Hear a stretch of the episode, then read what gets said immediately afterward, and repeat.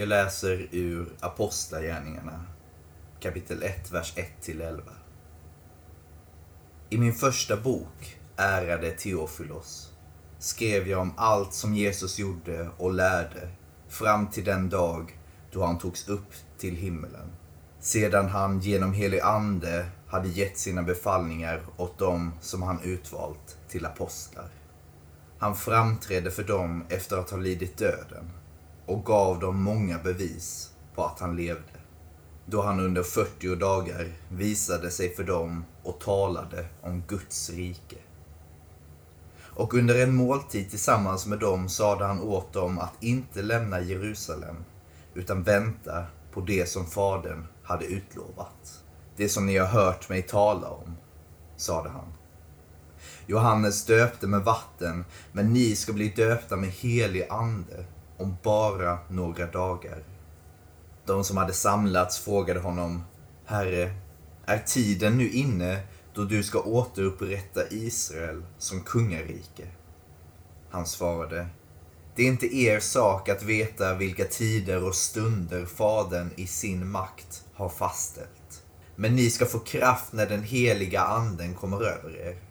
Och ni ska vittna om mig i Jerusalem och i hela Judeen och Samarien och ända till jordens yttersta gräns.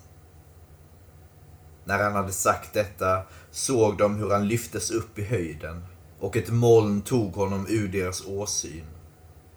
Medan de såg mot himlen dit han steg upp stod plötsligt två män i vita kläder bredvid dem. Galileer, sade de, varför står ni och ser mot himlen? Denne Jesus som har blivit upptagen från er till himlen ska komma tillbaka just så som ni har sett honom fara upp till himlen. Jag läser ur Jesaja 61, vers 10-11. Min glädje har jag i Herren.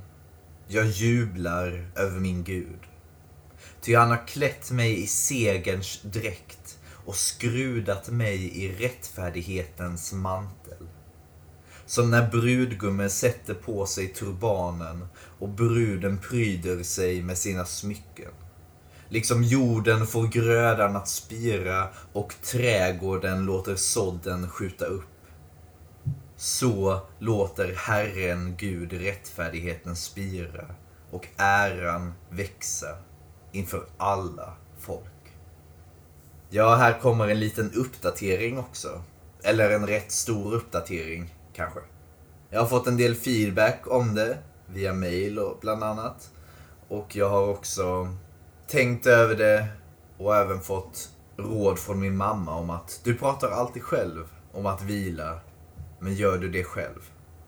Så jag tänker, både för er skull och för min skull, så tänker jag att nu under Kristi himmelfärd ska jag åka till min kompis och hälsa på henne i Estland. Så det ska bli jättekul. Men på tisdag så tänker jag att vi gör en ny start. Fortsätter där vi är, men att vi skriver och säger dagens datum istället. Och så får den här biven på ett år bli lite mer än ett år, helt enkelt.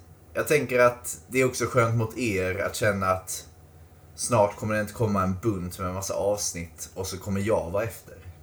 Utan vi gör det här tillsammans. Det här är första året vi gör det här på Svenska kyrkans unga.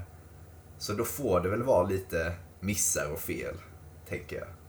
Vi gör det här tillsammans, som sagt. Så på tisdag ses vi igen. Ha en riktigt fin Kristi himmelfärdshelg.